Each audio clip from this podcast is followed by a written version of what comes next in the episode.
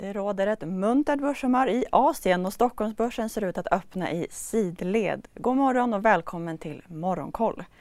Vi har ju redan fått in rapporter från två av fyra storbanker och nu har vi precis fått in en rapport från den tredje, SEB, vars rapport var starkare än väntat med ett klart högre resultat för tredje kvartalet jämfört med motsvarande period förra året. Rörelseresultatet ökade närmare 15% mot förra året och även räntenettot ökade mer än väntat med närmare 35% mot förra året. Även, även gamingbolaget Stillfront har släppt sin rapport nu på morgonen och rapporterar ett något lägre rörelseresultat än förväntan. Gruvbolaget Lundin Minings resultat sjönk i tredje kvartalet och det var nästan hälften av resultatet i fjol. Enligt bolaget beror det lägre resultatet på högre rörelsekostnader som ett resultat av inflationstryck och lägre metallpriser. I Asien är samtliga ledande index upp. Både Shenzhen och Hongkong lyfter över 2% med Alibabas näthälsoplattform Alibaba Health Information som är upp över 9% och även e-jätten Meituan som är upp över 7 Shanghai-börsen stiger 1,5% och Tokyobörsen är upp 1 och I Australien så är inflationstakten den högsta på 32 år där inflationen steg mer än väntat till 7,3 procent för tredje kvartalet jämfört med förra året. Och I USA rapporterade techjättarna Alphabet, Microsoft och Spotify under analytikernas förväntningar igår.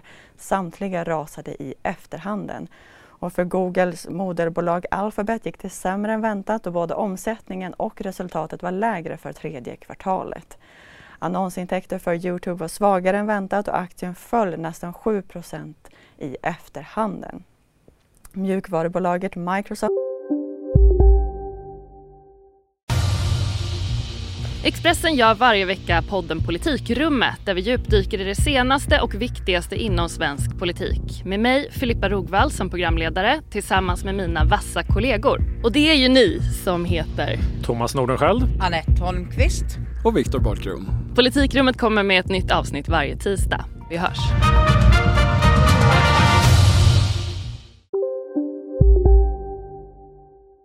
Intäkter steg 11 procent för kvartalet jämfört med motsvarande kvartal förra året och resultatet var bättre än analytikernas förväntan men målverksamheten landade under analytikernas förväntningar och aktien som steg inför rapportsläppet sjönk sedan 7 procent i efterhanden.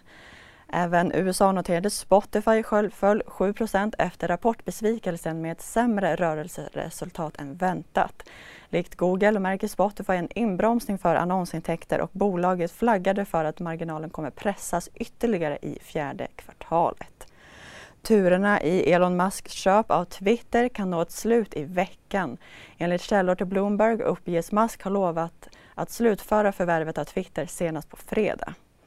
Och EU har nu godkänt Philip Morris köp av Swedish Match med villkor. Den amerikanska tobaksjätten måste sälja Swedish Match logistikgren SMD Logistics. I förra veckan höjde Philip Morris budet på Swedish Match men flera storägare har redan sagt att de inte tänker acceptera budet. Men här i Sverige så blir det en intensiv rapportdag även idag med ett 40-tal rapporterande bolag. Bland annat låsbolaget Assa Abloy spås ha haft en stor utveckling under tredje kvartalet där rörelseresultatet spås ha ökat med nära 30 procent. Och byggkonjunkturen visar tydliga avmattningssymptom och inför Skanskas nio månaders rapport förväntar sig analytikerna att bolaget redovisar en rörelsevinstnedgång. Och Sandvik överraskade positivt i rapportperioden och även gruvutrustaren Epirox spås ha haft en fortsatt stark utveckling. Såväl omsättning som justerad rörelsevinst väntas ökat under tredje kvartalet. Det var allt för nu. Vi är snart tillbaka med Rapportmorgon.